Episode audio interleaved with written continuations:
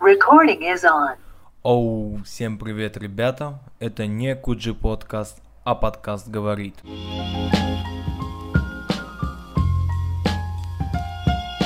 А, Меня зовут Ванята Делькер, а, мне 23 года. А, Я почти окончила славянский университет. Почти, потому что на втором курсе меня исключили. Наверное, как-то так. Интересно, почему исключили? Да, Ну, я не смогла оплатить на самом деле, потому что я поступила на самый дорогой факультет в университете, и они немножечко подождали, и после чего решили, что я им там мешаю в каких-то списках, и позвонили и предупредили о том, что исключают. А, весело. ну, обучение должно быть бесплатно. Это плохо.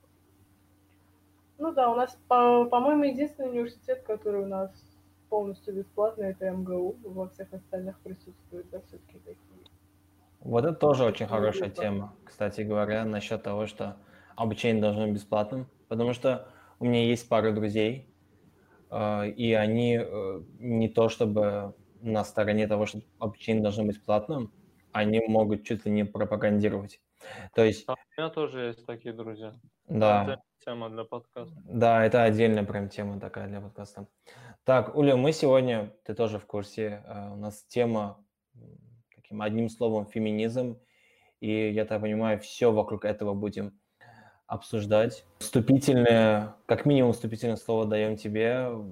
Вау, какая большая ответственность. А, ну, а, феминизм это борьба за равные права между мужчинами и женщинами, но как и во всех, наверное, каких-то философских течениях, там тоже есть ответвление от марксистского феминист, э, феминистства до радикального фем- феминизма, да, вот. Э, Марксистский феминизм, анархический феминизм, радикальный феминизм, и интересно то, что девушки, ну и профеминисты тоже, между собой могут даже иногда поругаться.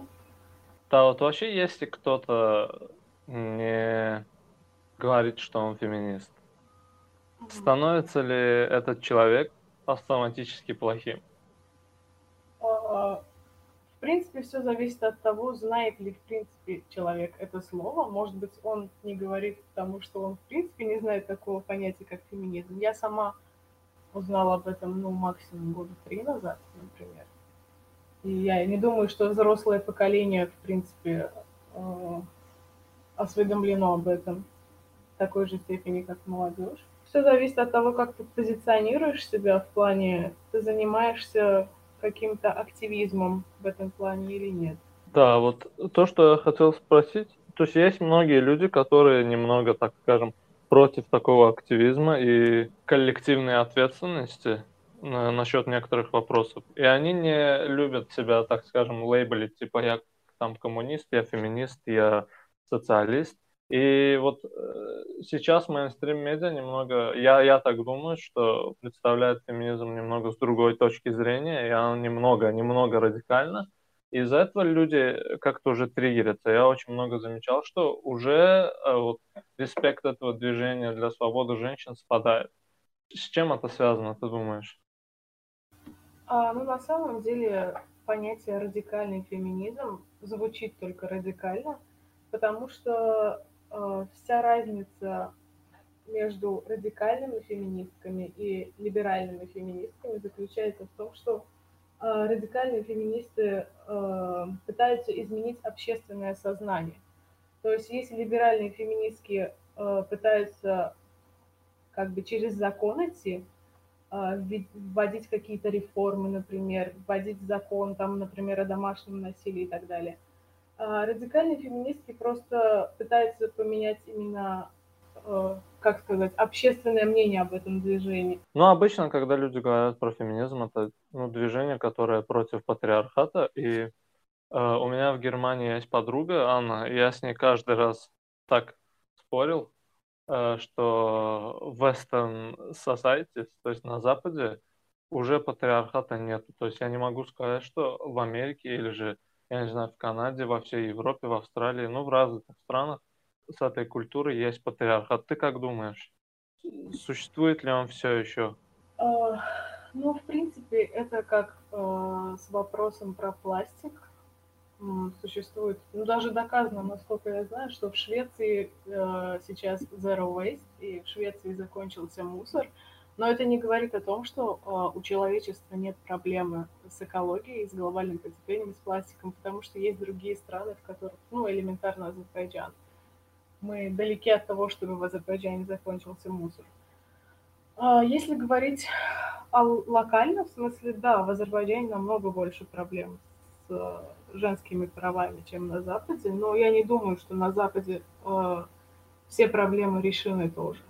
Вот феминизм скажем так, его движение а, так или иначе на Западе, а, в Центральной Европе, в странах СНГ, на Востоке, это все одно и то же или нет? Потому что а, количество проблем, качество жизни, качество, скажем так, общества, так или иначе во всех этих четырех разных частях, частей мира различается. Ну, мне кажется, что проблемы действительно разного масштаба. Я не думаю, что... Если честно, я считаю, что в Азербайджане ситуация не такая страшная, как могла бы быть, потому что есть такие страны, как Казахстан, как э, Кабардино-Балкария, там вообще ужас творится в этом плане. В частности, мне кажется, это из-за того, что у нас сейчас Азербайджан это такая туристическая штучка, скажем так, направление большое туристический поток большой. И поэтому это как-то влияет, наверное, на темп развития, нежели Казахстан или еще какие-то страны. Вначале, когда ты начинала, ты сказала, что э, слишком много, может быть, говорят, и, может быть, даже говорят не те люди, которые должны. Я так понимаю, здесь опять идет вопрос к мейнстрим-медиа, э, которые, может быть, и громко кричат, о каких-то, о теме, допустим, э, прав женщин и прочее, но не совсем в правильном а, русле ведут эти разговоры. Например, за последние 5-6 лет одна из самых таких больших волн это была МИТУ, которая, кстати, по-моему, была частью кампании Клинтон, когда она в президент подавалась. Я точно не помню, но если не ошибаюсь. И я хотел спросить, как ты думаешь, это влияние, то есть эта волна МИТУ, она как-то вообще повлияла на тему феминизма? Если да, то положительно или отрицательным образом? А, может быть, сейчас покажется, что я какая-то плохая феминистка, но, если честно, я не слышала о том, что ты сказал, я не слышала о МИТУ. А, я могу сказать вот что. Есть такое понятие, как усталость сострадать. А, тут можно провести параллели, потому что эм, в принципе, это может касаться чего угодно. Например, элементарно ты заходишь в Facebook, листаешь ленту и видишь, как а, кто-то пытается забрать деньги на операцию котенку или на операцию там ребенку и так далее. Когда ты видишь это первый раз, второй раз, третий раз, ну, понятно, что все относительно, но у тебя там содрогается сердце, и ты такой, типа, да, я пожертвую, все такое. Но имеет значение травмирующий опыт. Если получится так, что один раз тебя обманут, и в конце, э, в ходе расследования окажется, что, например, эти люди были мошенниками, ты в следующий раз пять раз подумаешь, чем, прежде чем переводить деньги. И то же самое с феминизмом, то есть э, выставление в плохом свете, выставление каких-то э, неидеальностей, скажем, феминизма и желтой медии, да, э, плохо влияет на движение и, в принципе, мешает борьбе, которая изначально была только за позитивные цели. Окей, тогда давай э, буквально в двух словах, ну или как угодно, если говорить простыми словами, э, правильный феминизм, по-твоему, это что? Эм, э, в первую очередь я феминистка, потому что я против домашнего насилия, и если говорить локально в Азербайджане, мне кажется, что тут в плане феминизма это самая большая проблема. Потому что работу найти более-менее можно. А, что еще, какие аспекты, да, например, которые в других странах? Окей, okay, смотри, но опять возвращаясь к вопросу Чингиза, я сам тоже, конечно же, против домашнего, ну не только домашнего, вообще какого-либо насилия если честно, мне, допустим, э, ну это уже личное, опять же, мнение, но э, какие-то вот эти бои, там, ММА и прочее, которые показывают по телевизору, и не все, но некоторые из них мне тоже не э, симпатичны по этой же причине. Но так или иначе, допустим, э, человек, допустим, я, там, кто-либо другой, который против насилия, в том числе домашнего, э, не обязательно, чтобы там она или он, скажем тогда, были феминистами. А, не обязательно, но если ты что-то хочешь поменять, а, то получается, что обязательно. А, вот именно что разница либеральных феминисток и радикальных феминисток в том, что либеральные просто могут а, позиционировать себя как феминистка, написать там в Фейсбуке статус, что вот я феминистка. Но они ничего при этом не делают, они не ведут никакую борьбу, и поэтому, грубо говоря, это не приводит э, к каким-то сдвигам. Нельзя просто назвать себя любителем животных, но при этом ничего для этого не делать. Если не либеральные, а, скажем так, активным образом действовать, это должна быть какая-то борьба. Что под этой борьбой э, обуславливается? То есть она что из себя представляет, когда речь идет о активных э, действиях? А, ну, наверное, в первую очередь э, какие-то акции, митинги, например.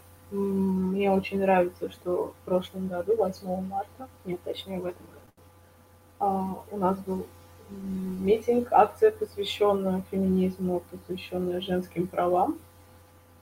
А, да, в конечном итоге все равно умудрились э, выставить этих девушек в плохом свете, потому что видите ли, на одном из плакатов было слово «вагина», которое у нас не принято употреблять. Вот. Но дело в том, что есть такое понятие, как раздражители. И в любом активизме не, нельзя обойтись без раздражителей, потому что они вызывают резонанс.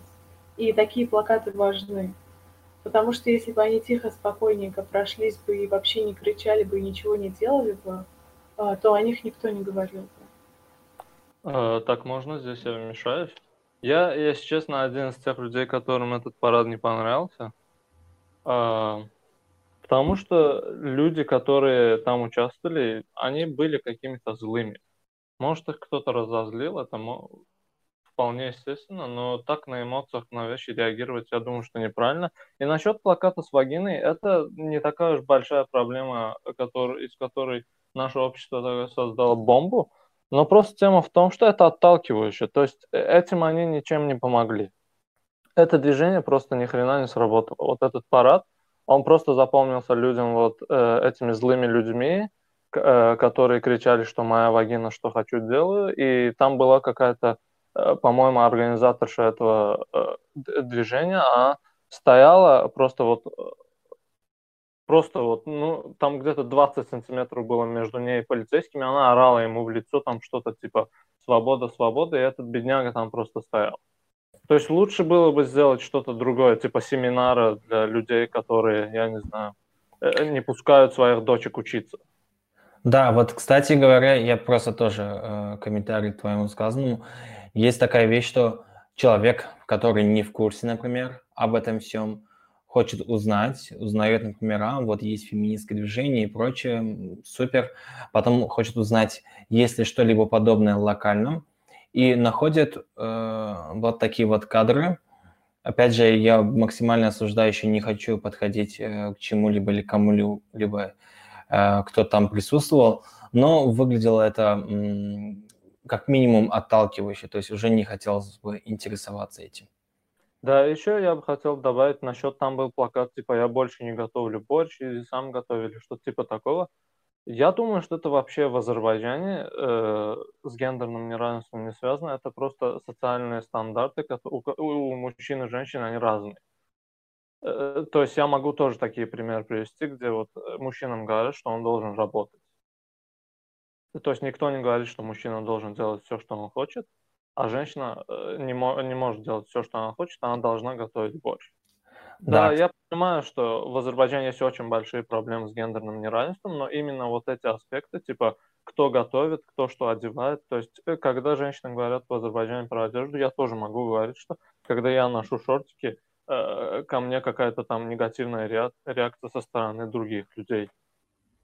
А, вот именно что. Я очень рада, что вы это затронули, потому что на самом деле просто немногие мужчины и немногие женщины, в принципе, люди не понимают, что а, феминизм старается освободить всех от несправедливости, а, бросая вызов существующим социальным нормам и институтам.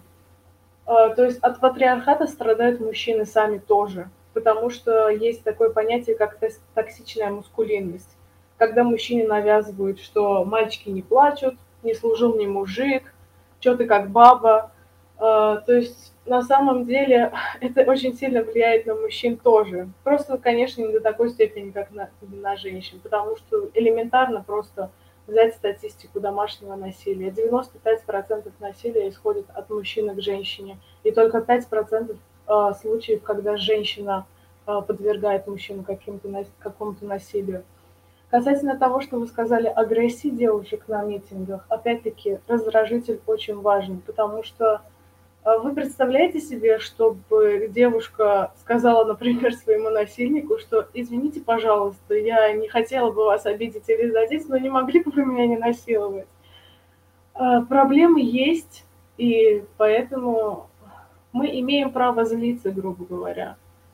А, как ты можешь к своему какому-то обидчику относиться с большим уважением или терпением – когда столько лет, столько веков, то есть, да, происходит вот это все. Ну, как ты думаешь, это помогло? То есть это помогает? Вот это... Я, я не хочу это называть агрессией, но я не знаю, вот эти такие арогантные страйки людей, которые только что делают и поднимают панкарты и кричат. У них а, интеншены хорошие, ну, я уверен в этом, что они хотят лучшего, но работает ли это? Пока ничего нельзя сказать. На самом деле времени прошло мало, но я думаю, что раздражитель всегда работает. Потому что я не могу сейчас привести конкретный пример, но действительно любая э, какая-то смена, любые перемены делали те люди, э, те события, которые были яркими и шумными. То есть как можно, например, выйти на митинг и стоять молча, да, это то же самое. Как вы себе представляете идеальную акцию вот 8 марта за феминизм? Я насчет э, вот, выйти и прочее, про, в целом смысле протеста и митингов, у меня немножко иное мнение есть. Опять же, это э, чисто личное мнение. Я не являюсь большим сторонником скажем так, выходить, плакаты, кричать и прочее. А, по несколько причинам. Одна из первых причин, э, потому что, мне кажется, этот метод, он является методом, который принадлежит прошлому веку а, во всех смыслах. То есть если мы посмотрим, прошлый век был просто заполнен всеми революциями во всех странах, да, но связан с политическими и не только. И это, в принципе, можно понять, потому что не было другого метода. То есть люди пытались по-всякому, в зависимости от режима, они проходили лишь к одному решению – это делать революцию. Э, я не огромный э, поклонник всего этого, потому что на сегодняшний день, на 2020 год, есть очень много возможностей у любого человека позитивно повлиять практически на любую ситуацию. Да, те же самые семинары, которые говорил Чингис, и не только. То есть я знаю, что в Баку ну, может, в других городах тоже есть, э, в СНГ точно вообще такое есть, много организаций, которые э, всячески помогают, там кто-то, допустим, учат э, каким-то скиллам и прочим. То есть есть очень много э, выходов, которые постепенно то есть занимаются э, улучшением качества жизни непосредственно женского пола и, соответственно, влияют на это. Да, я просто хочу добавить, что я согласен с Мурадом. И я, я честно, не полностью понимаю вот, э, вот эти митинги, когда люди просто собираются и э, ходят и кричат, и что-то делают. Э, я просто думаю, что это не работает на данный момент. И вот э, возьмем ситуацию в Баку. В Баку есть такая организация, как War. Они очень круто работают вот над всеми этими... Да, э, тоже про них хотел сказать. Да, гендерными неравенствами. и они делают там семинары, воркшопы, что-то, ездят там в районах, э, учат IT женщинам и так далее, они учат их быть свободными. Я думаю, что они делают больше. И плюс я не увидел, что они как-то, э, то не то, что поддержали, я, по-моему, зашел на их страничку, никакого репоста с этого митинга не было, никакой поддержки. Может, даже было, я не заметил, но то есть такой сильной реакции с их стороны на этот митинг не было. А, может быть, они их не поддерживают. Просто я согласна с вами, что этот митинг выглядел немножко некорректно, но все же нельзя отрицать э, важность раздражителей, потому что, может быть, про слово феминизм никто и не узнал бы, если бы не это. То есть, мне кажется, что причина может быть в том, что эта организация проправительственная, и они поддерживают какие-то... А потому что среди феминисток очень много оппозиции, это очень четко видно. Вот ты говоришь, например, люди хотя бы знали про такое слово феминизм, а, опять же, я как человек, наверное, просто как человек, который против насилия какого-либо, и в том числе, конечно, женского. Для меня сам факт того, что э, улучшится качество жизни людей, намного важнее, чем то, что люди узнают про слово феминизм. Поэтому, например, я когда вижу, что, допустим, да, есть такие организации, как Wow есть, кстати, было еще пару проектов, которые с UNDP, UNDP они делали э, в Азербайджане именно. Они шли какие-то в школы Э, в разных городах, то есть не только в Баку, там они были в Ленгеране и прочих других городах, где они проводили какие-то, ну, знаешь, как мини-уроки и прочее в школах, в универах.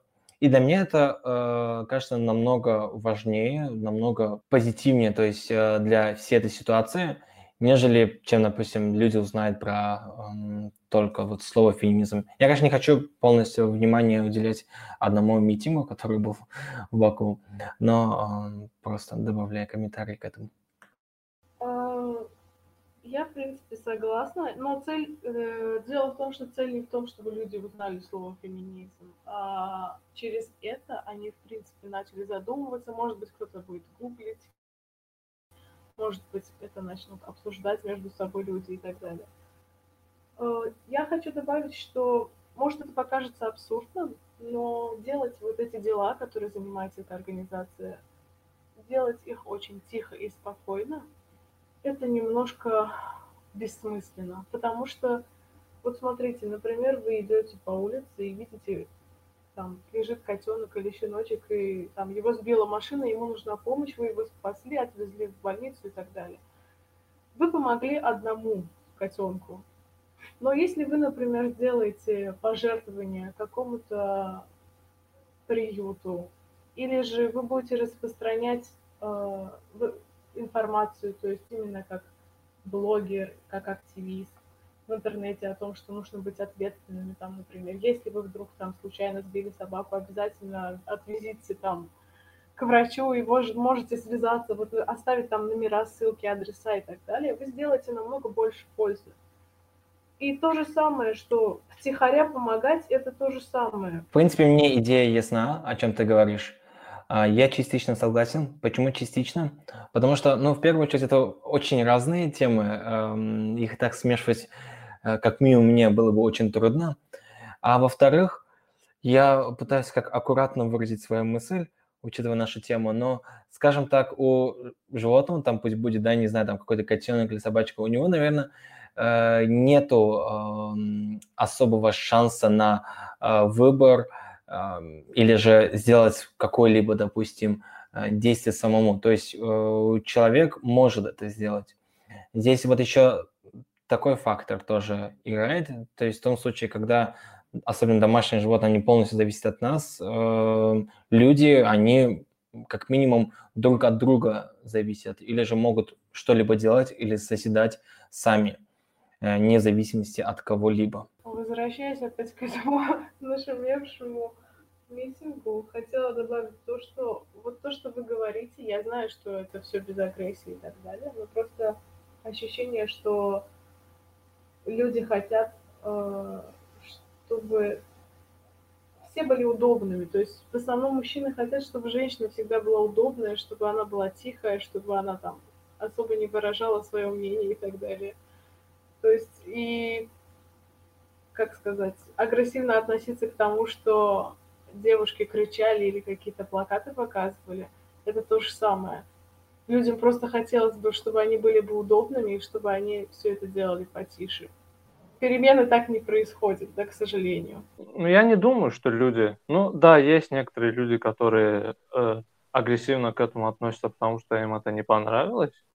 А ну, насчет таких ребят, как мы, э, я думаю, что мы вот просто есть задача и есть не, есть процесс, есть задача процесса, есть цель этого процесса. Я просто думаю, что э, она не удалась просто. Все ненавидят это движение в Азербайджане сейчас на данный момент. Вот в чем проблема. Мне кажется, что проблема в том, что у нас люди, в принципе, не склонны к тому, чтобы в чем-либо разбираться. Они слышат о чем-то, им это сразу не нравится, но никто не пытается разобраться, пойти как бы изучить это, найти корень всего происходящего.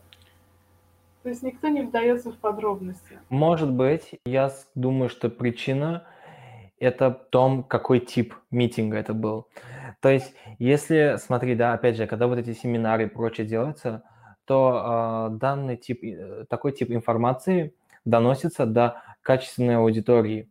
Я сейчас ни в коем случае никого не принижаю и не повышаю, но под качественной аудиторией, то есть они там привлекают определенных людей, которые там э, специалисты в своей в своем, скажем так, филде, да, то есть они разбираются, они ведут какие-то тренинги. То есть люди, которые как минимум зашли в интернет, искали тренинги, случайно наткнулись, э, пошли, записались, уже эти люди э, интересуются этим, и, соответственно, образуется определенный какой-то бабл, то есть пузырь, где состоящий из людей э, плюс-минус этой прослойки, они все интересуются этим. А когда, допустим, на митинге, э, то есть какое-либо действие, и от него ты слышишь только лишь, допустим, агрессия, э, выкрики, там что-то случилось и прочее, это доходит до другой определенной аудитории, которая, может быть, э, реагирует, допустим, на кликбейт э, медиа-заголовки. Я, я стараюсь, если я вижу какие-то кликбейт, э, кликбейт медиа-заголовки, не реагировать на них. Допустим, есть люди, может быть, которые кидаются на это, читают только лишь, что там указано, и все. То есть, чтобы этих людей тоже, которые имеют более, э, э скажем так, лимит у них бывает на какой-то доступ к информации – их тоже, я думаю, нужно постепенно вытаскивать туда, где у них будет больший доступ, более качественной информации. А тут происходит наоборот. Эти люди еще застревают там же, и, конечно же, они не будут интересоваться. Да, я, в принципе, согласна. Мы никак не закончим с этим митингом, но насчет этого митинга все-таки, э, наверное, все-таки в локальном смысле он больше приобрел такой агрессивный характер, нежели смог сделать что-то полезное. Но мне кажется, что все равно рано об этом говорить, потому что это как семя, которое ты бросил в землю, и ты сможешь судить о плодах только через какое-то время. Так, э, все, давайте я переведу тему. Давай. Более э, локальный к более глобальный. Вот сейчас э, одна из таких, так скажем, Э, проблематичных тем это gender wage gap. Люди, давайте опять возьмем, то есть э, уберем Азербайджан и вот все эти неразвитые страны. Да, мы знаем, что здесь все плохо. Давайте опять возьмем Запад. Там э, люди утверждают, что женщины в среднем э, зарабатывают меньше, чем мужчины, и это из-за сексизма. Вот какое у вас отношение к этому? Um, ну, в принципе, я не могу судить, потому что я не там, наверное. Но я очень много видела роликов об этом и читала статистику. Я не могу сказать, что в Азербайджане это так. Я могу скорее сказать, что, ну знаете как, например, элементарно, я не знаю, если взять э, Россию, у них есть список э, запрещенных профессий для женщин и количество запрещенных профессий 456. То есть хотя бы поэтому можно сделать вывод. А какие это профессии? Честно говоря, я не знаю. Ну, я думаю, я там будет что-то из серии типа шахтер. Так, куда женщина и так не пойдет. Да, это звучит ну, по-сексистски, я знаю. Если ей это нравится, она может этим заниматься, но это единичный случай просто. Да, но есть еще одно, есть еще несколько выражений. Кстати, если мы же говорим о выражениях, ну, мы не говорим об этом, просто я почему-то к этому привел. То есть, э, допустим, да, мужчина, там не женщина, нужно будет, пойдет там камни потаскать, заработает. Там, э, ну, то есть много таких этих есть, э, которые, в принципе, получается так, что они обделяют женщину от э, работы в этой, да, определенной какой-то индустрии. Но в то же время это не та индустрия, куда кто-либо, вне зависимости от пола, хотел бы э, прям так тянуться, работать. Есть такое понятие, как... Я его называю, честно говоря, я не смогла вспомнить именно термин. Э, также называют обратный сексизм, и я его называю стокгольмским синдромом. Есть очень много женщин, которые осуждают женщин. И мало того, что женщинам приходится бороться за свои права с мужчинами, так и приходится еще и с женщинами бороться. Стокгольмский синдром, как я его называю, заключается в том, что э, женщины осуждают других женщин, например, э, когда происходит насилие. Мы более-менее, как бы это абсурдно ни звучало, привыкли к тому, что мужчина может сказать, что она сама виновата, она сама так оделась, она сама возвращается так поздно. Но в последнее время тенденция состоит в том, что женщины пишут то же самое, выражает такое же мнение. И это еще больше усложняет движение феминизма. Я согласен. Недавно даже была такая реклама, типа, э, там какая-то знаменитая женщина говорила, я не mm. помню, как ее зовут, типа, be a woman, they said. Типа, одеваешься так, это плохо, делаешь что, это плохо. Да, и все, слишком что худая, там слишком говорил... толстая. Да, да, да. И все, что там говорилось, это все, что одна женщина говорит другой. Кстати говоря, да. Ну, я не согласна, что полностью то, что говорит женщина, другой, я видела этот ролик, ну, в принципе, от мужчин тоже можно слышать такие выражения, но просто хотя бы элементарная э, поддержка со стороны женщин должна быть, потому что ты тоже женщина, и ты тоже можешь попасть в такую ситуацию. Вообще я не понимаю, как можно осуждать жертв, э, жертв насилия. Я вообще не понимаю. Да, это дебилизм, если честно. Я один раз столкнулась с такой картиной в автобусе несколько лет назад, когда женщина стояла на остановке, автобус подъехал, она подошла, и у нее было двое детей, мальчик и девочка. И она поставила, взяла на руки мальчика, поставила его в автобус, сама поднялась, а девочка поднялась сама. То есть она ей не помогла. Хотя дети были одного возраста. И далее женщине, конечно, уступили. Она посадила мальчика. Хотя мальчик был очень такой маленький, как бы хрупкенькие, да, они могли бы вместе уместиться там. Она посадила его, и сама с девочкой стояла рядом. В тот момент я поняла, что нам нужно, наверное, еще лет сто. Но это не самый какой-то жестокий пример, хотя, может быть, от этого можно сделать много отсылок. Я сейчас приведу очень жестокий пример, как одна женщина проснула другую, так скажем.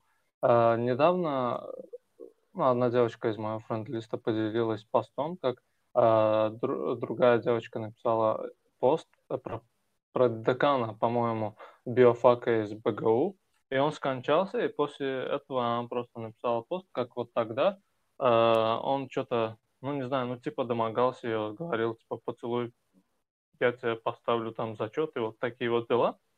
Ну, был такой нормальный пост такой большой.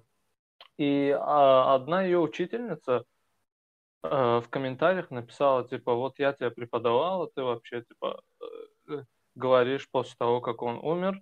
И в конце она добавила, что э, сука не захочет, э, кабель не вскочит. И под ее комментарием было 180 реакций, и 179 из них были, были злые. Нифига себе.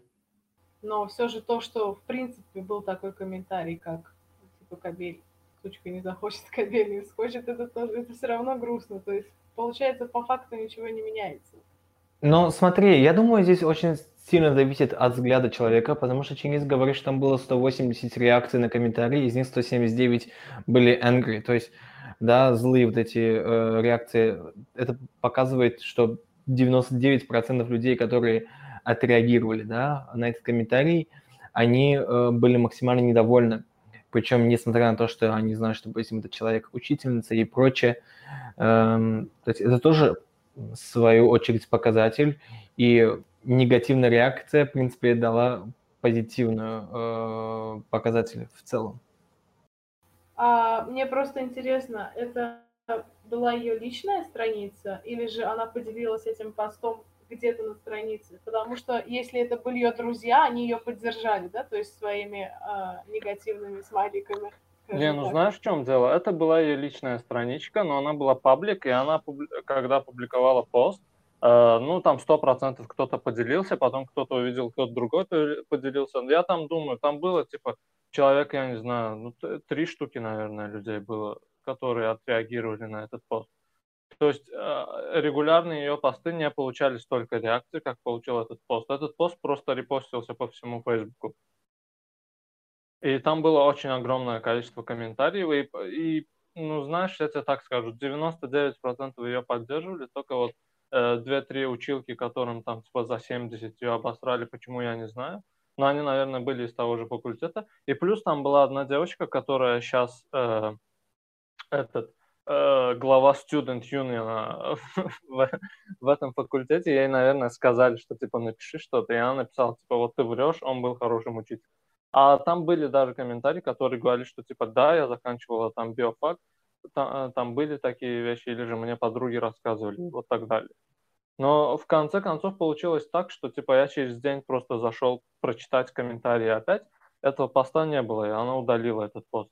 Понятно. Но мне все же кажется, что несмотря на то, что ее страница была паблик, э, все-таки мне кажется, что большинство реакций принадлежало, наверное, ее знакомым или друзьям, потому что это не комментарии, которые под какой-то страницей. Вы просто представьте, если бы это было бы, например, под News Us, или под какой-то еще вот такой. Не, ну Newsas э, это уже, я не знаю, про какой именно речь идет портал, но я могу так Э, забегая вперед, сказать, что у них, наверное, аудитория так себе, э, как и у почти что в большинстве случаев в любой другой медии э, в этих странах.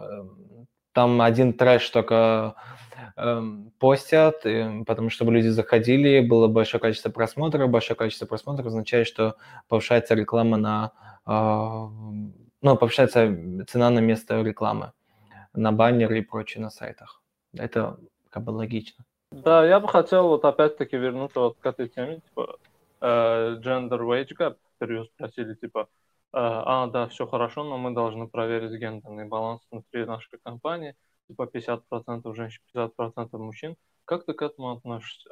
А, я тоже как раз хотела об этом поговорить. Мне очень нравится э, политика, которая проводится в Швеции.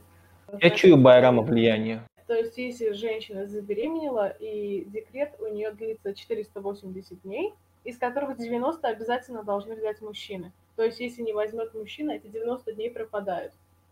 И там наблюдается даже по статистике больше. То есть они берут не только 90 дней, но и 4 месяца, 5 месяцев, там 50 на 50 делят декретное время. У нас нету такой тенденции. То есть женщина немного объективизировано, да, то есть у нас в обществе. То есть чем, о том, что говорит Чингис, я знаю ряд компаний, и готовясь к этому подкасту, я буквально вчера зашел на сайты, и на одном из сайтов написано, это как бы прямая цитата, что uh, we have aggressive goal, то есть они же сами же говорят, у нас есть агрессивная цель, чтобы uh, к концу 2020 года сделать так, чтобы 50% сотрудников на технических позициях а, были женщинами.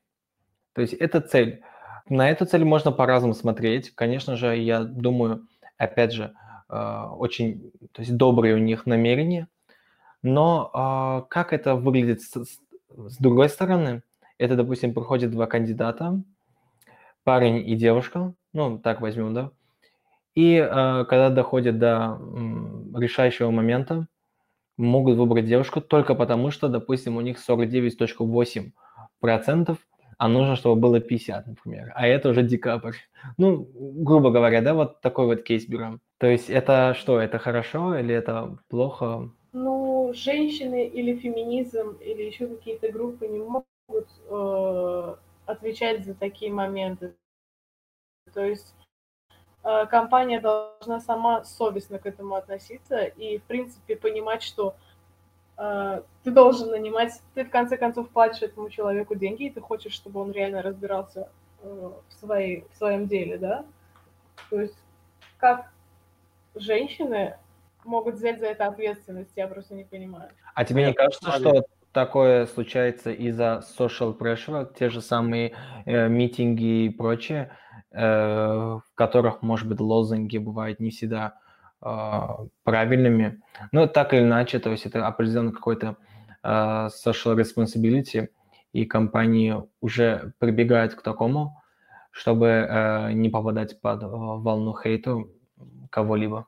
Я не знаю, но в таком случае я все равно за, потому что мне кажется, что многие девушки, может быть, даже а, разбирающиеся в IT-сфере или в какой-либо сфере, которая а, по общественному мнению принадлежит к мужским профессиям, не развиваются в этом направлении, потому что они знают, что они в будущем не смогут найти работу. Но если компания объявляет о том, что она собирается нанять к концу года 50% женского состава, 50% мужского состава, это дает мотивацию тем девушкам, которые изначально отказались, может быть, от какой-то своей мечты. Я, кстати, категорически не согласен с этим мнением. Я думаю, что если человек умеет делать свое дело хорошо, его и так наймут. И особенно вот в компаниях, которым нужны хорошие специалисты, ну, она занимается IT, то есть э, человеку нужны пальцы и мозг, то есть никто не будет смотреть, то, да. что она женщина или мужчина, а вот такая политика, типа 50% мужчин, 50% женщин. Ну, я не знаю, я, я, ну тогда такое надо делать везде, и везде это не получится. Я знаешь еще о чем думаю. И я вот так получается, что, допустим, когда ты говоришь, что будет 50 на 50, это дает мотивацию э, для женского пола, чтобы подавать на эти позиции. А мне интересно, а что давало, допустим, мужскому полу подавать на эти позиции, когда вот не было этих разговоров? То есть я, опять же, я э, не э, с той точки зрения подхожу к этому вопросу, что вот, э, допустим, женщина так, мужчина так. Нет, ни в коем случае. Просто э, сейчас, особенно в этом году, очень да, много разных скандалов и на этой, на этой теме, и на расовых тоже. И сейчас везде, во всех больших учреждениях, университетах, компаниях начинаются вот, это, вот эти разделения – а, что вот э, эти расы тоже должны быть минимум столько, эти тоже столько. И э, очень много разделений происходит. А, ну, потому что мужчины, в принципе, это привилегированный класс. И дело в том, что, опять-таки, я повторюсь, э, я уже говорила об этом ранее, но от патриархата страдают сами мужчины тоже в конечном итоге. Потому что мужчины воспитывают как сказать, ему впитывают с грудным молоком доминирование над женщиной. И в конечном итоге, например, мать а, может не разрешать своему сыну играть а, с какими-то определенными игрушками, которые в обществе приняты как девичковые. Там, смеяться, например, если мальчик возьмет поиграть с куколкой. И вообще, почему должны быть детские игрушки мужские, женские, мальчиковые, девичковые? Почему мальчикам дарят пистолеты, а девочкам куклы? Э, насчет вот этих стандартов, типа мальчики любят синие, девочки любят розовое. Э, недавно э, в Швеции проводился эксперимент. Они просто взяли ребят, которые вот э, только-только начинали играться с игрушками, и поменяли все стандарты. То есть э, мальчикам дали куколки, а девочкам дали машинки. И что произошло? Через некоторое время мальчики взяли кукол, э, кукол, куклы и начали с ними драться. А девочки взяли э, среди всех машин, выбрали самые красивые, но обычно это красный пожарный, и начали с ними играться. Вот, вот то есть я не думаю, что, э, так скажем, эти стандарты как-то навязаны социуму, потому что трехлетнему ребенку невозможно навязать то, что ему нравится. Он абсолютно на инстинктах, то есть это то, что, то, что ему нравится, он будет это делать. И то, что, типа, я, конечно, есть случаи, когда, например, девочка любит играть в футбол, и это абсолютно нормально. То есть не надо тут э, клеймить ее, типа, это неправильно, вот ты не можешь так делать. Или же когда мальчик там играет, я не знаю, с какой-то куколкой, или строит маленькие домики и кухню, то есть это неплохо, но дело в том, что большинство так не делает. А, большинство так не делает, потому что им даже не дали возможности выбрать мне кажется. Э, про эксперимент, про который ты говорил, мне вот просто принципиально интересно, сколько было де- э, детям лет, потому что дети психологически развиваются очень быстро. И, например, одна из проблем, э, с которыми могут столкнуться мальчики, и с которым феминизм, в принципе, может помочь мужской половине, это то, что родители, отцы в частности, запрещают, могут порицать своих детей за эмоции. То есть такими выражениями, как типа мальчик должен быть сильным, мальчик не может плакать, не может выражать эмоции. И разве вы не чувствуете себя э, в клетке вот этих всех э, правил, которые просто абсурдны? Я чувствую, я не согласен с этими правилами. Ну, значит, все-таки надо что-то менять.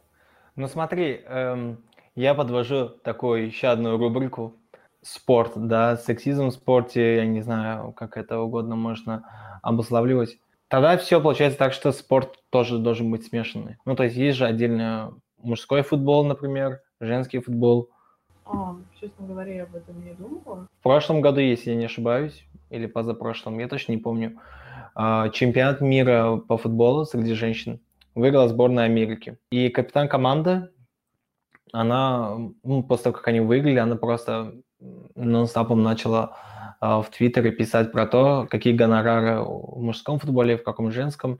И оказалось, что в мужском там чуть ли не в 10-20 раз больше э, гонораров. Все начали раздувать эту тему, но потом пару экспертов ответили и сказали, что э, посмотрите на рекламные э, бюджеты, допустим, в мужском футболе, да, и в женском. И они тоже были разными абсолютно. Конечно, в мужском спорте было больше, но это чисто экономическая точка зрения. Если люди смотрят больше, то, соответственно, рекламодатели больше платят. Но просто интересно то, что есть такой вид спорта, где а, допустим, у женщин, который более интересен и более известен, чем, например, мужской, допустим, теннис. А, я думаю, там есть легендарные личности в волейболе, кстати говоря. Допустим, если брать СНГ, да даже Азербайджан, там волейбольная сборная намного сильнее, чем... Это женская волейбольная сильнее, чем мужская волейбольная. То есть не все везде однозначно. А, но если честно, я не вижу в этом сексизма, потому что мне кажется, что то, что гонорары больше, зависит от того, что люди в принципе привыкли слышать. То есть если ты услышишь там а, Барселона или Реал Мадрид, ты будешь представлять себе, даже если ты не смотришь футбол, кто это, что это. А если ты а, услышишь название какой-нибудь э, баскетбольной сборной, состоящей только из девушек, ты вряд ли будешь их знать. Если ты, конечно, не интересуешься этим. И поэтому рекламодатели тоже, естественно, нацелены на целевую аудиторию, скажем так. От этого и зависит конечном итоге зарплаты и гонорары э, самих спортсменок. Ну, то есть спорт не смешиваем. Ну да, то есть я считаю, что, может быть, я недостаточно разбираюсь в теме, честно говоря, это для меня э, новая пища для размышлений, то есть я посмотрю насчет этого. Но насколько я это вижу, я не вижу какого-то особенного сексизма в спорте. Не, я, кстати, тоже категорически против этого. Я думаю, что это самая простая физика. Э, просто не получится. То есть это сделать. Я думаю, что мужчины должны да. заниматься с мужчинами, а женщины с женщинами. А, нет, мне кажется, вы меня не, неправильно поняли, потому что э, я говорила не совсем о возможностях физических людей. Э, я недавно публиковала у себя на странице, э, там был вроде теста, типа, кем ты должен быть и все такое, очень скучно, да, на карантине сидеть. И мне вышел пожарный. А, пожарная. Кстати, про феминитивы я тоже хотела бы потом сказать. Вот, и мне в комментариях написали, что даже мои самые адекватные, такие современные, прошаренные друзья, что э, я спросила о том, что есть ли в Азербайджане девушки пожарницы, пожарные. Э, и чувак отписался, что нет, надеюсь, что нету. Я написала, почему, и он сказал, что, ну, а, если где-то завтра что-то будет гореть, а, она будет снимать видео в ТикТок. То есть понятно, что это была шутка. Сто процентов. но э, все равно эти шутки уже начинают немного задевать человека. Блин, что... я хотел открыть тему э, типа сексистские шутки, она уже открылась, круто. Да. Да, на самом деле это может показаться, что это всего лишь шутка, что ты так обижаешься, что такая серьезная. Но на психологическом уровне, когда эти шутки продолжаются всю твою жизнь, когда шутка про блондинок, про вождение женщин, э, чуть ли не с грудным молоком, то есть поступает, это уже вообще не смешно. Если честно, для меня вот когда доходит тема шуток, да, и там, допустим, сексистские шутки и прочее, если честно, очень редко э, какие-либо сексистские шутки делаю. Э, просто мне вот так кажется, что ребята, которые близкие, да, но, допустим, друзья, круг друзей, там парни, девушки. И я думаю, что если кому-то в голову пришла какая-то шутка, и он ею, он или она ею не поделился, потому что это типа выглядит сексистски, мне кажется, это и есть э, сексизм. А его отсутствие, то есть отсутствие сексизма, это когда ты поделился шуткой, и никто ничего не увидел в этом плохого. То есть эм, элементарно даже внутри да, одного пола, то есть да, 3-4 друга или подруги сидят, они могут пошутить и сделать какие-то, может быть, даже колкие шутки, но на то и они друзья, что они, например, на это не обижаются. Разве что если делает кто-то со стороны. А, я абсолютно согласна, потому что это лишь выражает какую-то неискренность в отношениях между людьми. А, например, вот был э, социальный ролик, по-моему, достаточно такой старый, где, а, значит, спортсмены, футбольная команда, то есть одна как бы людей с обычными возможностями и другая команда с ограниченными возможностями, э, где все пытались проиграть им, то есть сдаться, как-то сделать так, чтобы команда с ограниченными возможностями победила. Но в конечном итоге это не искренне, это даже еще более обидно, потому что было бы приятнее, если тебя воспринимали бы как реального соперника. Ну вот, если ты так уже сказала, теперь как ты смотришь после того, а, вот после этого же мнения твоего насчет шутки про ТикТок? А, или, нет, или... я неплохо смотрю на эту mm. шутку. То есть я, тем более, что я знаю человека лично, я знаю его много Супер. лет. Mm. И я знаю, как он относится к... Он вообще журналист, то есть он сам пишет обо всем об этом, о феминизме, он сам поддерживает женщин, э, он профеминист. Это другое. То есть этот человек меня знает, и я, как бы, грубо говоря, позволяю ему так шутить с собой. Но угу. что касается остальных, то есть надо, мне кажется, подумать, да. потому что я вообще, честно говоря, введение уголовной ответственности затравлю в интернете. Никогда это касается какой-то шутки про ТикТок, а есть реальные случаи, когда люди как-то кончают жизнь самоубийством или совершают попытки из-за того, что в интернете сказали, что ты уродина или ты тупая, mm, или буллинг, что-то еще. То есть... Скажем так. Ну да, да. Но юмор же это не буллинг. Я, если честно, несмотря да. на мой э, весь такой э, феминистичный, активистный настрой, э, черный юмор это моя любимая. Я вообще думаю, что... Блин. Если честно, меня тоже, да. да. Я стеснялся нет, сказать, но спасибо.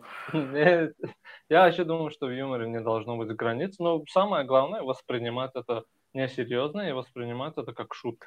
А вот буллинг в интернете, когда вот кто-то реально вот кому-то пишет, типа вот ты а... уродина, я не знаю, ты толстая, иди убей себя, это окей, это не плохо, это уже не юмор. Сто процентов. Ну да, вот если вы смотрели, что было дальше, то есть... А, Ой, это гениально. из-за того, что у него нет одной руки, и это правильно. То есть, если бы э, они пытались бы обходить эту тему и делать вид, что у чувака есть рука, это было бы как минимум просто странно и мерзко. Поэтому я тоже за черный юмор, но опять-таки очень тонкая грань между шуткой и реальным оскорблением. А насчет, ты просто сказала, э, физических данных, когда касается спорта, что ты думаешь?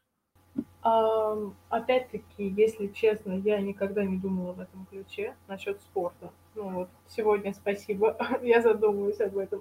Okay. Поэтому на данный момент, мне кажется, мне нужно подумать и почекать, чтобы ответить на этот вопрос. Я просто смотрел пару интервью.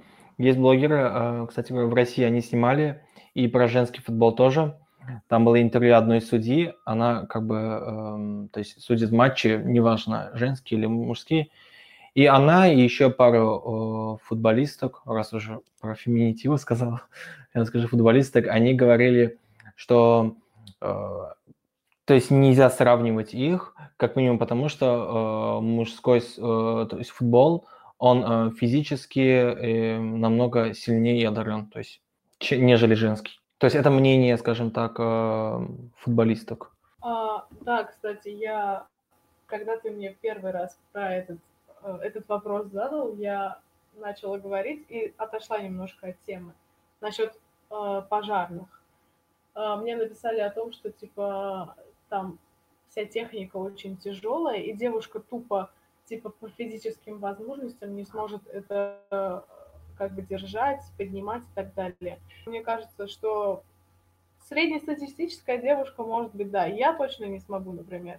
Но и также ты, скорее всего, не сможешь, потому что я, я правда, не знаю тебя, но, например, с человеком, с которым я об этом говорила в комментариях, я примерно представляю его образ жизни и физическую подготовку.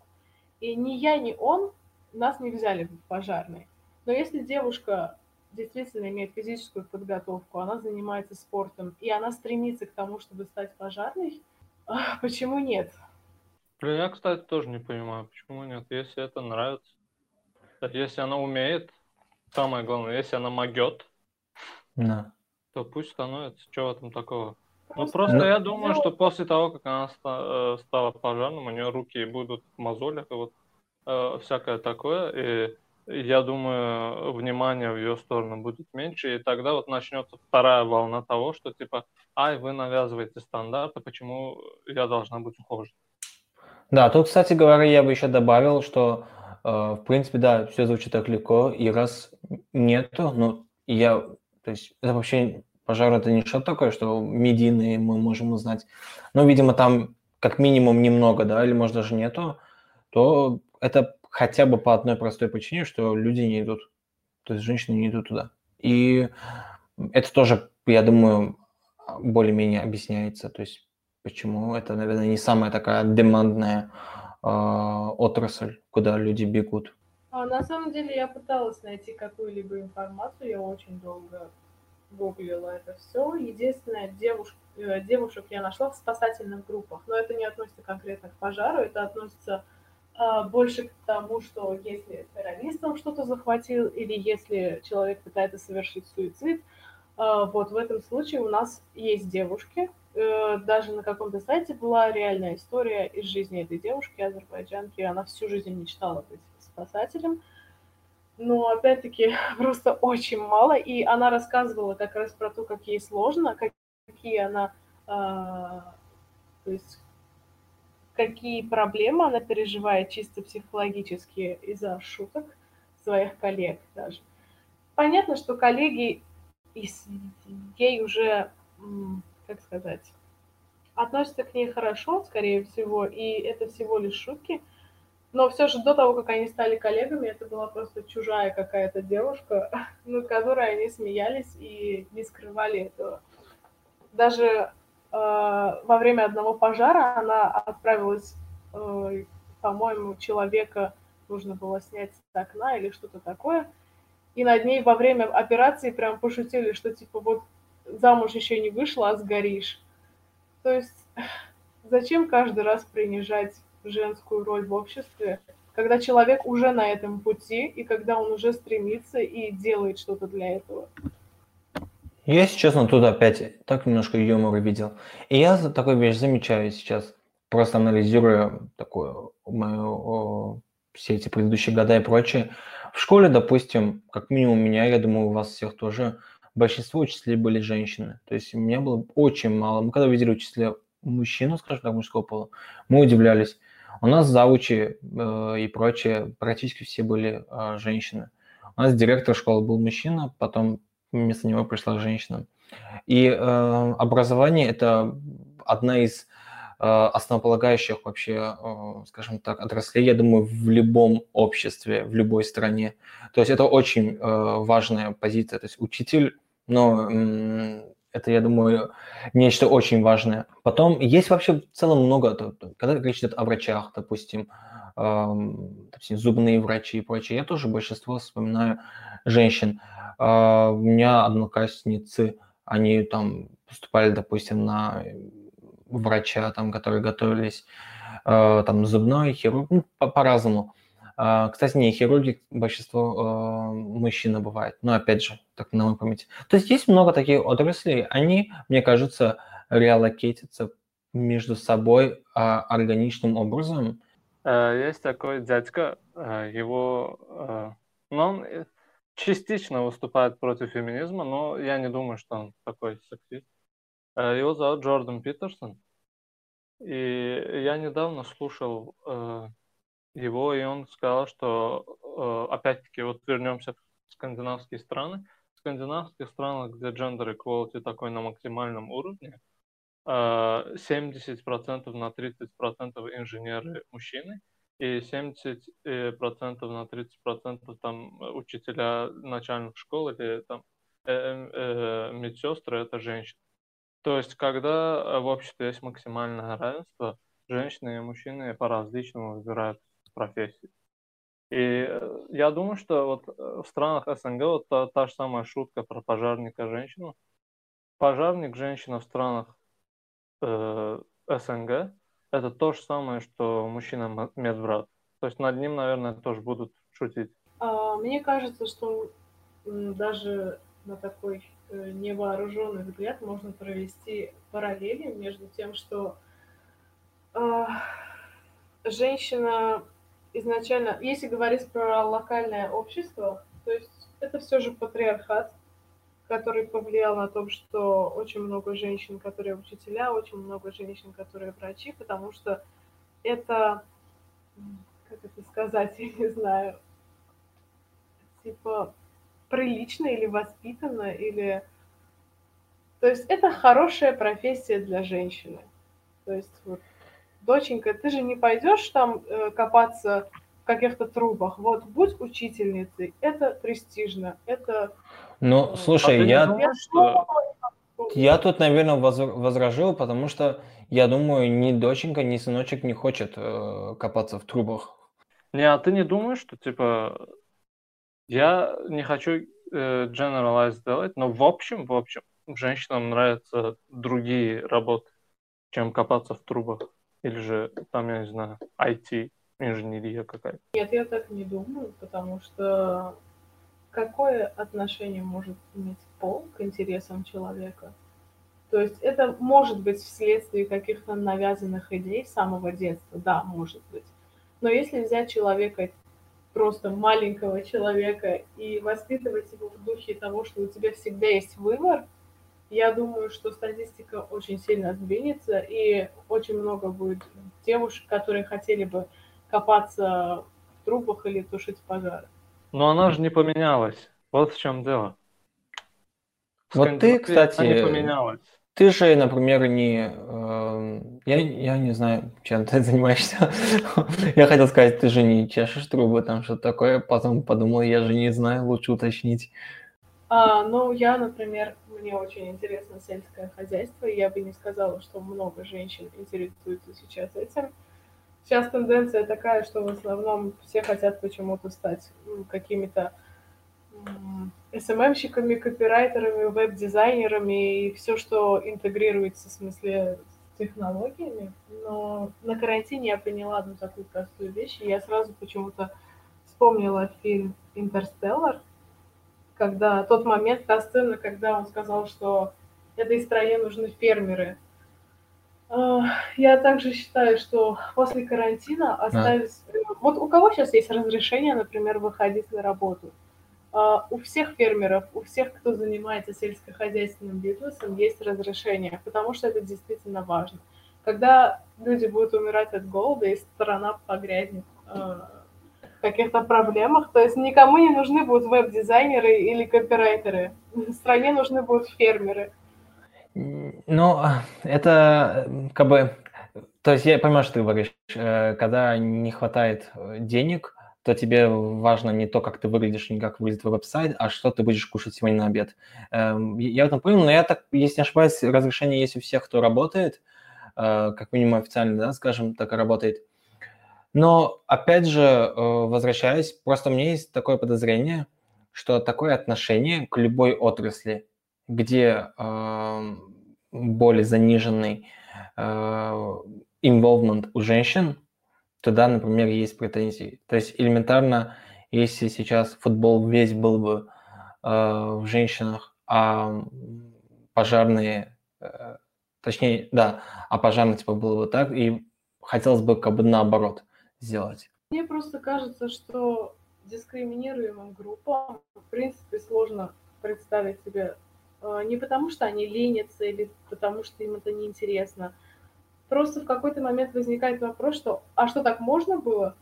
То есть, потому что изначально, если ты не даешь какой-то проход женщинам в каких-то отраслях, они, в принципе, уже, наверное, кроме единиц каких-то, которые прям идут до конца, то есть почему это не может быть массовым? Почему девушки должны э, проходить семь кругов ада, чтобы стать э, теми, допустим, воспользоваться теми вакансиями, э, в которых в основном задействованы мужчины? Не, ну смотри, Чингис тоже пример дал, вот как могут пошутить над женщиной пожарной и э, на медбратом, например. Кстати, фильм даже был, да, где э, этот... Это глобальная вообще шутка. Я знакомство с родителями, где Де Ниро играл. И там над чуваком просто все две части издевались, потому что он медбрат. Типа говорили, что ты врач? Нет, я медбрат. Это как раз э, самый яркий пример э, того, как мужчина страдает от э, своего же доминирования, от своего же патриархата, скажем так. Э, потому что в нормальном обществе, мне кажется, никто не станет смеяться над медбратом, так же, как никто не станет смеяться над девушкой, которая пожарная или чинит трубы.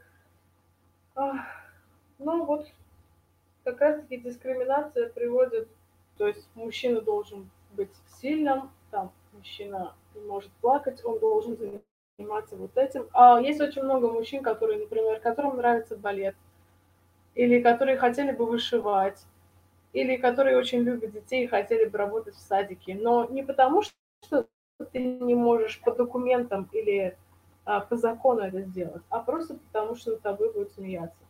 То есть я согласна, что у мужчин есть те же проблемы. Просто э, в корне всех этих проблем стоят сами мужчины. И поэтому, то есть все вопросы к себе же. Да, у меня вот такой вопрос. Типа, если мужчины э, как давят на мужчин. Причем тут патриархат? Э, то есть я хочу сказать, что то есть женщины как да, так общество давит на людей, которые выходят из неких границ, вне зависимости от того, что они мужчины или женщины. Ну да, тут уже это не относится как бы к женщинам или мужчинам, к сексизму или к какой-либо дискриминации это уже называется интернализация. А, это когда дискриминированная группа усваивает и воспроизводит нормы, которые направлены против нее. То есть, а, как я говорила ранее, как я его называю, стокгольмский синдром. Так, а почему патриархат? То есть почему проблема в патриархате? А, именно касательно того, что ты сказал последним, то есть э, медбрат и так далее, тут вина патриархата, не вина патриархата. Все, заканчиваем. Мне, мне понравилась подводка. Мне такая, тут вина патриархата, не вина патриархата. У меня просто интернет глючит, я сказала, что вина, то есть не вина патриархата.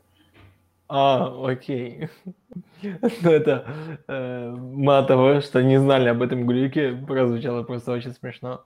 Да. Я, давайте опять я кардинально переведу тему.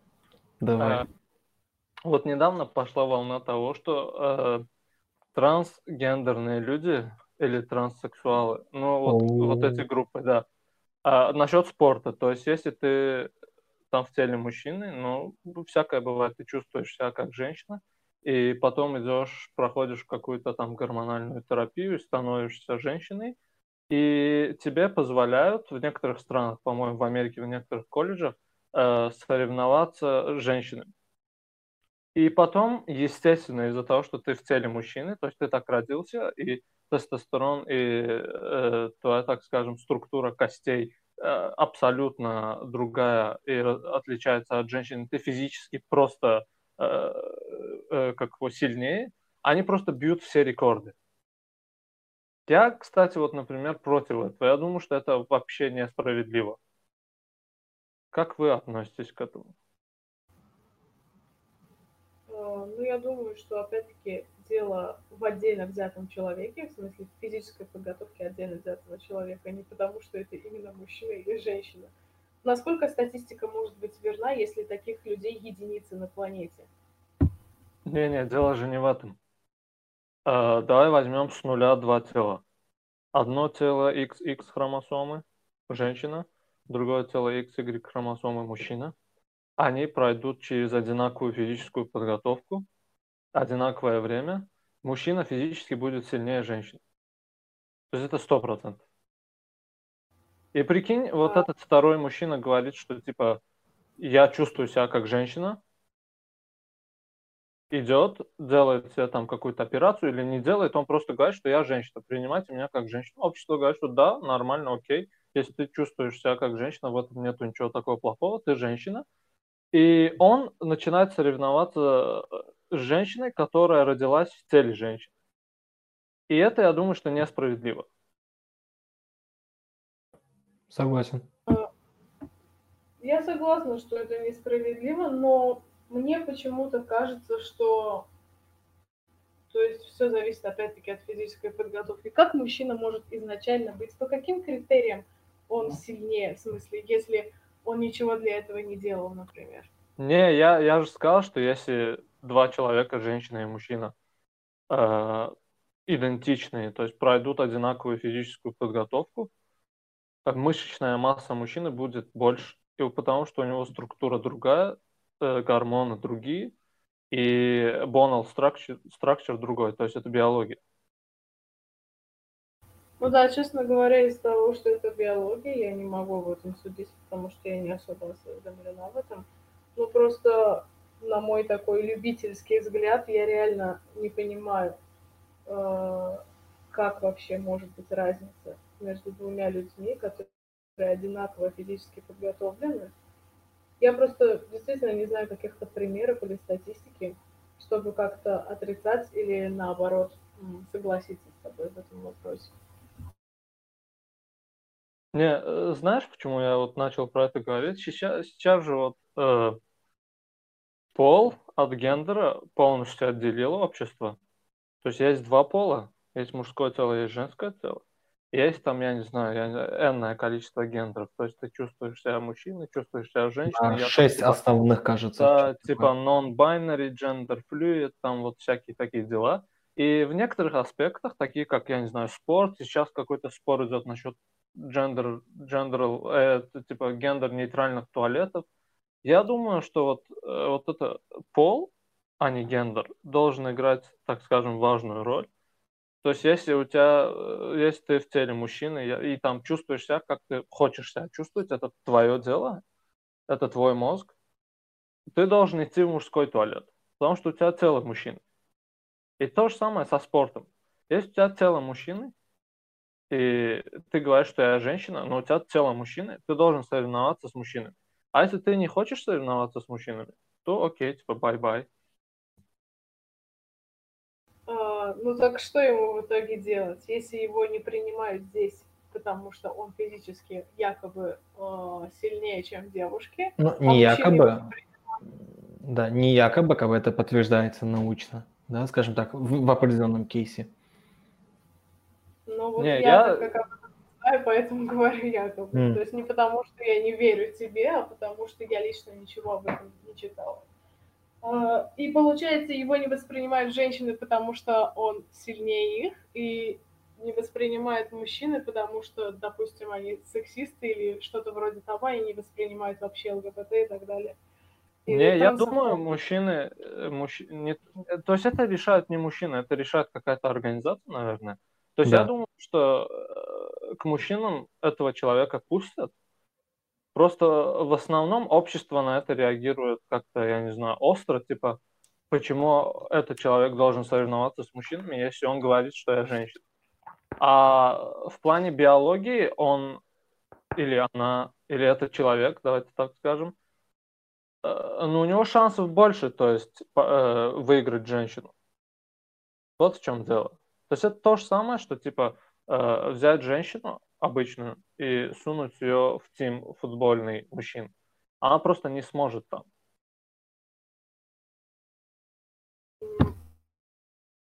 Опять-таки я согласна, потому что я, в принципе, об этом ничего не знаю. Я лишь знаю, что да, пол это как бы определение биологическое, гендер это м, социальное определение. Просто если то, что ты упомянул ранее о общих туалетах и так далее, если честно, я за, чтобы были гендерно-нейтральные туалеты, а, потому что как минимум в женских туалетах всегда большая очередь, и я, в принципе, не вижу какой-то проблемы в том, чтобы сходить в мужской туалет. Если выбирать э, женские туалеты, мужские туалеты, тогда почему мы не создаем отдельно э, туалеты для людей с красными волосами, туалеты там, я не знаю, для низких людей, для высоких людей? Ну, я думаю, потому что от этого, от того, что у человека красные волосы или зеленые, скажем так, составляющие не будет меняться, э, процесс сам или что-либо то есть в туалете по этой ну, причине. У нас отличают лишь э, просто половые органы. Неужели на это нужно такое большое внимание? То есть э, когда-то, да, были школы только для девочек, э, там транспорт только для женщин, там для мужчин и так далее. К чему это привело? К тому, что к дикости, да, то есть и в этом же плане я тоже считаю, что общие туалеты это вполне... Не, я, кстати, не против общих туалетов, если там будут писсуары. Да. да. Я только хотел сказать, что я да, не думаю, что женщины будут использовать писсуар, как бы... А, ну, ну, ну тут Нет, ну, есть ну, некий момент. Э... Да, сори, сори. В общем туалете, в смысле, могут стоять и писсуары, и кабинки. Дело в том, чтобы не стоять э, конкретно в очереди в огромной к женскому туалету. Плюс э, есть такие моменты, как, например, разнополые э, родитель и ребенок. Он не знает, в какой туалет отвести своего ребенка. Если это мужчина и с дочкой, он не знает его в мужской ее или в женский туалет вести. Или если это женщина с мальчиком, она тоже не знает, в какой туалет вести ребенка. Поэтому было бы неплохо, если бы Э, туалеты были бы общие. Блин, я думаю, что мужчина с маленькой девочкой ведет ее в мужской туалет, а женщина с маленьким мальчиком в женский. Да. Ну, да, есть такой момент. Кстати, да. Не, я не против общих туалетов, но я не думаю, что типа что-то изменится. И насчет э, очереди, то есть она будет та же самая, то есть женщины уже не перестанут идти в туалет. Там очередь будет та же самая. Да, кстати, говорят, это будет не нравиться, наверное, мужчинам, потому что раньше же очереди особо не было ну не знаю, мне кажется, что если это будет одно помещение, в принципе, можно также увеличить э, женский туалет, типа сделать больше кабинок, но это уже получается несправедливо. То есть почему, например, женских кабинок должно быть 5, а мужских 2? Не, ну кому, если... Где здесь несправедливость? Если женщинам нужно идти в туалет, то есть больше, или их больше, или там очередь большая, пусть я... будет больше Я думаю, что ко всем этим вопросам нужно максимально эм, относиться экономической точки зрения. То есть есть спрос, есть, ну, как бы demand supply, да, то есть если 5 человек э, хотят кушать шоколадное мороженое, а 50 клубничное, ты не будешь готовить 25 шоколадных и 25 таких, просто потому что нужно к шоколаду, там, не знаю, или клубники лучше относиться. Ты э, делаешь то, что люди потребляют. И если, не знаю, в женском туалете, допустим, нужно 50 кабинок, а в мужском 10, и это будет равномерно всех обслуживать, то пусть так это и будет. Здесь единственный вопрос, наверное, к человеку, который построил или там взял в аренду кафе, и ему, в принципе, важно только лишь, кто будет что у него покупать, а не то, как будет потом сопровождать э, купленное в этом кафе. А, да, что-то мы заговорились много о туалетах. Мне вот интересно, э, я хочу послушать вас обоих. Э, как вы относитесь вообще к феминитивам? Um, то есть в русском языке? Uh, ну, в принципе, я думаю, что да, я в основном использую. Да, в других языках я не слышал, это, по-моему, тема русского языка. Я не, не против феминитивов, но, то есть, я думаю, что в русском языке как? То есть, исконно русские слова, ну, типа проводник или проводница, там есть разделение между полами. А, например, э, слово такое, как инженер, которое э, перешло ну, из. Заимственное. Заимственное да, слово. Да, заимственное слово. То есть слово инженерина или инженерица ничего не изменит. Это более, то есть нарушит все.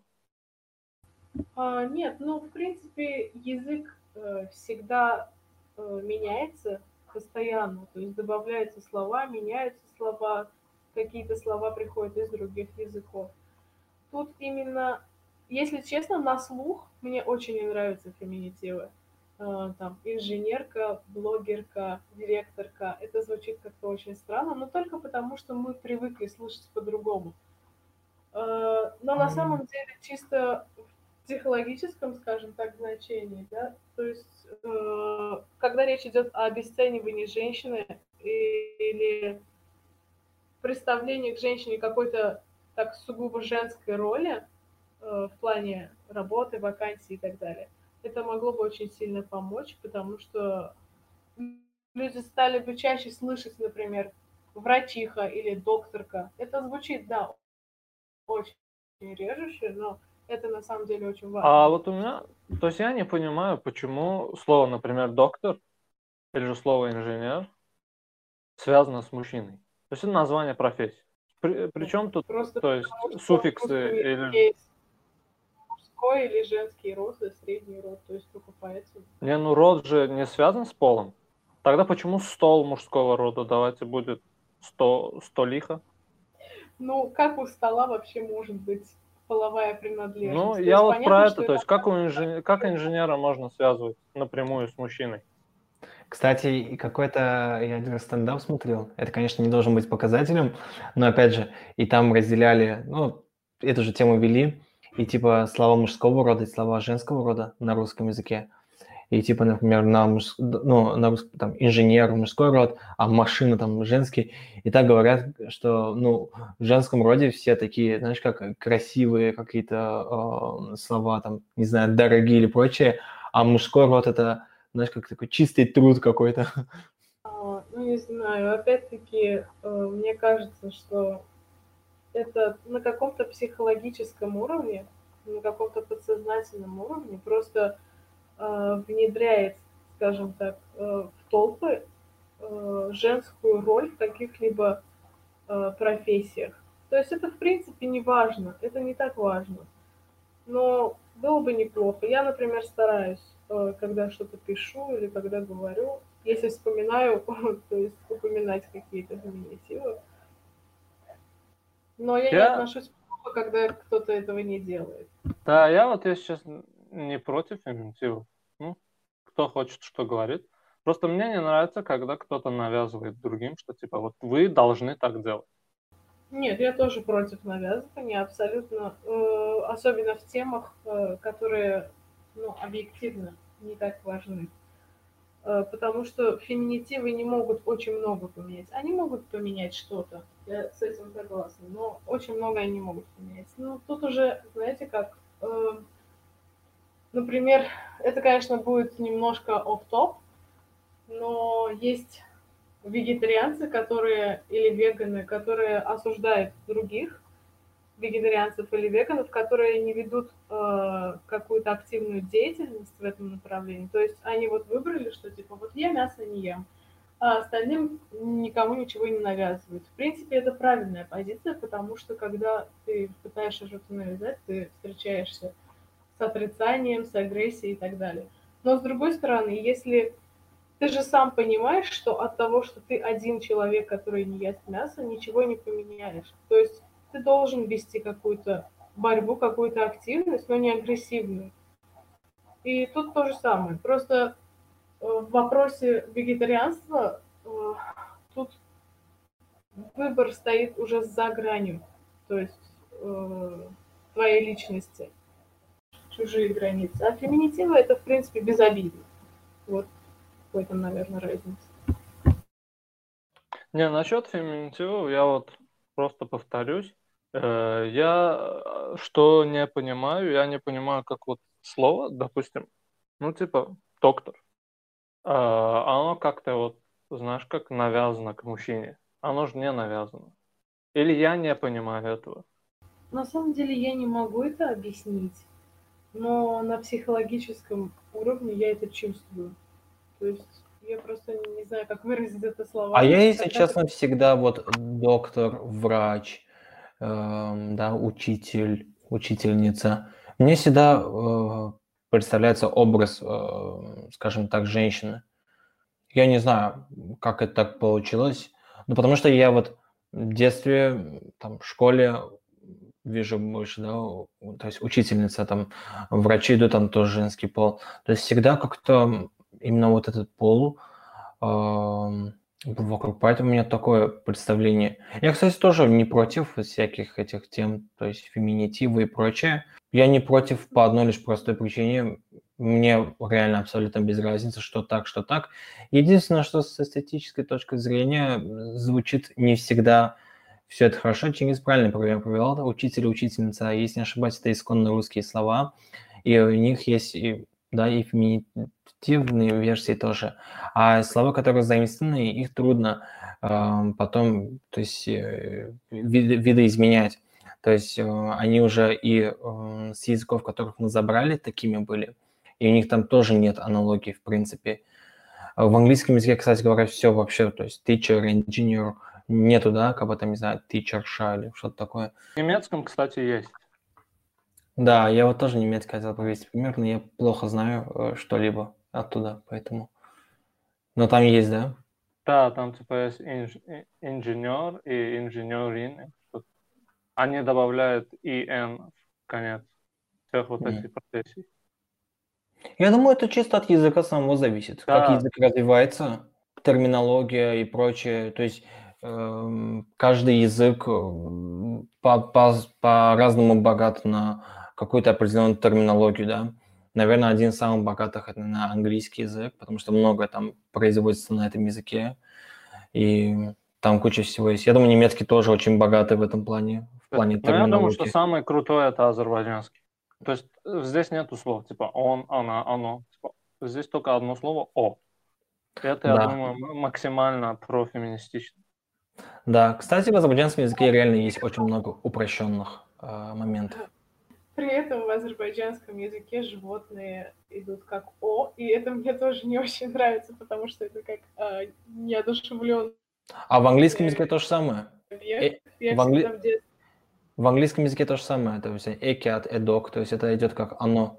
Ну да, ну просто э, тут еще вопрос того, что в азербайджанском обществе, в принципе, отношение к животным, даже к домашним животным немного неоднозначно, и поэтому с детства я просто очень сильно люблю собак, я собачница по жизни, и в школе я даже специально писала, когда диктанты, э, я осознанно, зная, что это не по правилам, писала про собаку или кошку как про одушевленное, потому что мне просто не нравилось, что там идет О. Ну, да, но я думаю, что в Америке в этом плане получше, чем в странах восточнее, э, в том числе страны СНГ. И, в принципе, видим, что то, что у них э, грамматически это неодушевленное, это им не помешало. Я так, думаю, там стоп. С этим... В азербайджанском же, то есть О говорится и к одушевленным тоже. Вы, наверное, хотели сказать, что типа в азербайджанском э, собаку называют что, а не кто. Хотя нет, а, что мы. Да, да, да. да не, да, в азербайджанском... Я, я, А, типа, Да, потому что про собак говорят да, «мя». да, собака, А, не поэтому, Ким. да, вот, да, окей, да, все понятно. Ой, я когда услышал Ким, сразу хотел сказать Чен Ин. Подумал, была неплохая шутка, но не успел. В принципе, мне не Да, надо уже. было говорить. Да. Ну ладно, я думаю, в принципе, можем суммировать. Запиздели. Это был OG. Мы каждый раз не можем придумать аутро. Это был подкаст «Говорит». Э, Спасибо всем, кто дослушал до этого момента. Адиос. Амигос. Adiós.